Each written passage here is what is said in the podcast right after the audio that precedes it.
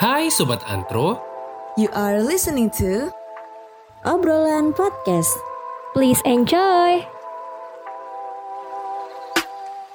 Obrolan, the podcast presented to you by Hima Antro Universitas Erlangga.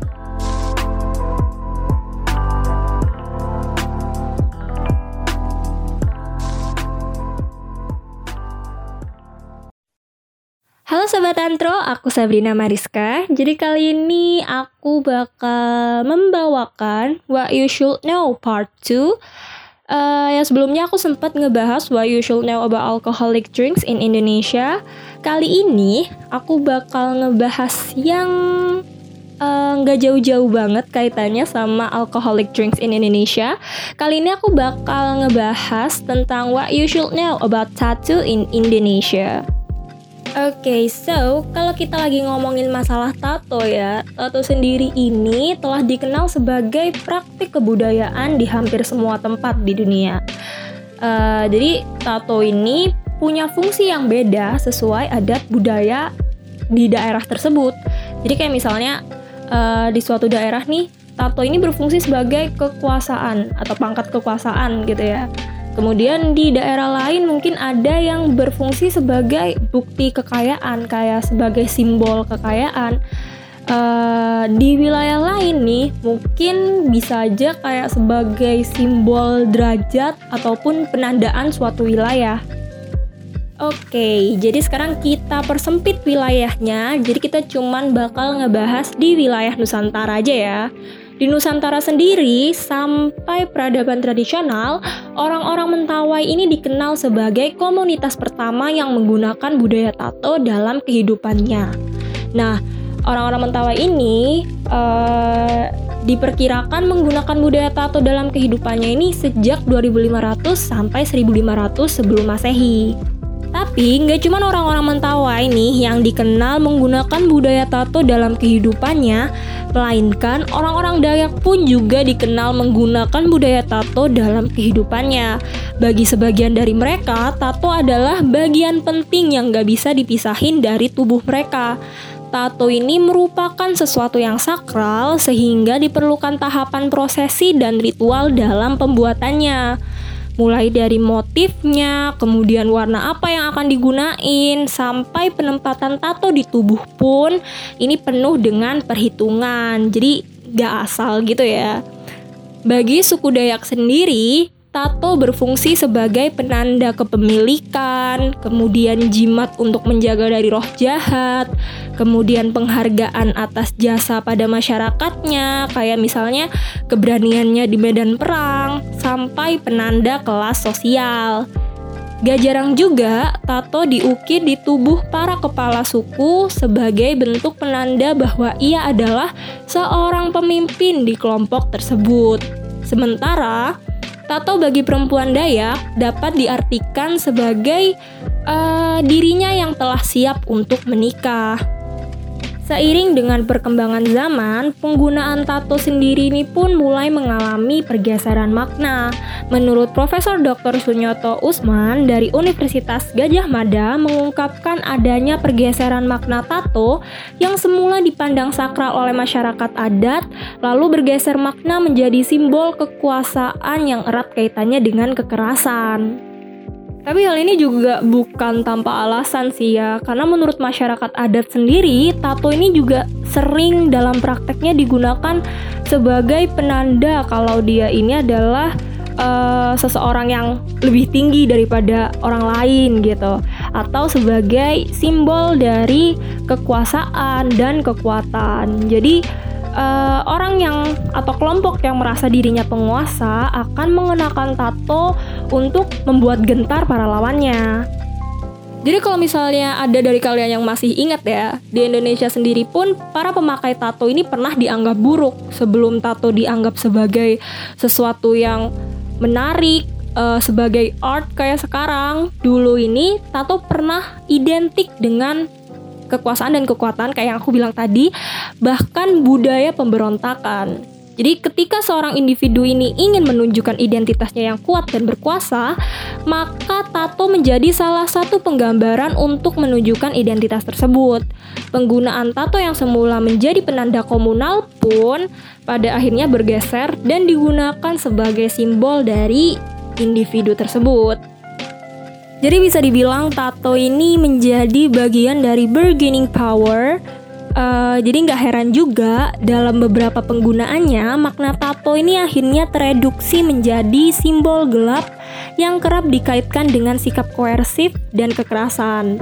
Orang-orang yang memakai tato ini pun uh, dianggap identik dengan penjahat, orang-orang yang hidup di jalanan, dan dianggap selalu mengacau ketentraman masyarakat.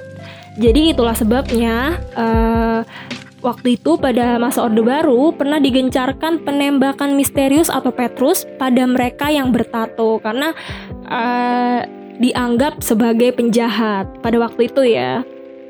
Kemudian ditambah lagi dengan anggapan negatif dari masyarakat tentang tato, kemudian juga uh, larangan memakai tato bagi penganut agama tertentu. Ini semakin menyempurnakan gambaran tato sebagai sesuatu yang tidak boleh, sesuatu yang dilarang bahkan haram. Jadi uh, orang-orang yang memakai tato ini sama dengan memberontak terhadap tatanan nilai sosial yang ada. Tapi walaupun uh, orang-orang yang memakai tato ini sering dianggap uh, demikian, di satu sisi ini dalam kalangan anak jalanan menyebut bahwa tato merupakan uh, salah satu bentuk dari cara menampilkan diri tato ini merupakan semacam penanda dari show of force uh, sekaligus lambang keras dan jantan. Jadi uh, menurut mereka bersih dari tato ini bisa jadi justru akan mengancam kehidupan mereka di jalanan.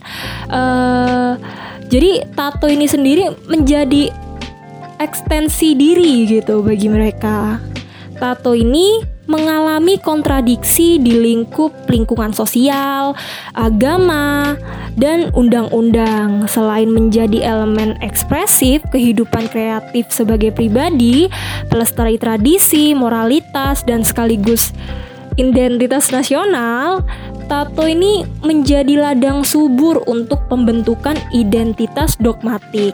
Tetapi juga menyimpan luka-luka sejarah dan sosial ya.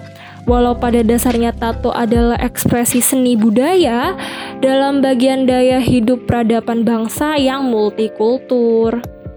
Basis logika yang mendalam, pemahaman memandang seni budaya secara kontekstual dan bidang uh, dada yang lebar menyikapi perbedaan adalah sikap penting sebagai upaya membaca transformasi nilai dan memandang modernitas melalui tato. Jadi bisa diakui bahwa uh, seni tato tubuh uh, yang dulunya pada masa itu dianggap tabu oleh sebagian orang, kini udah mulai bisa diterima dan menjadi salah satu gaya hidup yang berkembang di masyarakat. Uh, ini dapat kita lihat dari uh, semakin hari semakin banyak orang yang bangga akan tato di tubuhnya. Ada beragam alasan nih kenapa uh, seseorang memilih menghiasi tubuhnya dengan tato.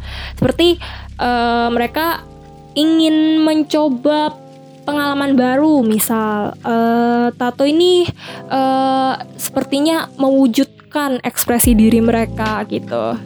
Uh, hal ini juga uh, bisa kita lihat gitu loh perbedaannya karena uh, dulu tato ini cuma tren di kalangan para pria aja. Uh, tapi kini sekarang banyak banget perempuan yang uh, rela menghias tubuhnya dengan beragam bentuk variasi tato yang cantik nih. Sebab uh, beragam beranggapan bahwa tato telah menjadi bagian dari hidupnya. Mereka yang beralasan kalau tato tato-tato yang cantik nih ini akan menawarkan sebuah keindahan. Dia akan menunjukkan keindahan di tubuh mereka gitu. Uh, maka Tato tidak hanya sekedar menjadi fenomena fisik tubuh manusia sebagai makhluk multidimensional, namun juga bentuk konstruksi kultural. Jadi uh, awalnya nih sebagai penghias tubuh kemudian simbol-simbol tertentu. Lalu, tato ini mengandung multi makna dan nilai sebagai simbol status kelas sosial atau misalnya cuma dianggap sebagai sekedar aksesoris saja atau mungkin ada makna-makna lainnya. Oke, okay, jadi itu tadi sekian dari aku. Uh, ini menurut aku termasuk singkat banget sih ya.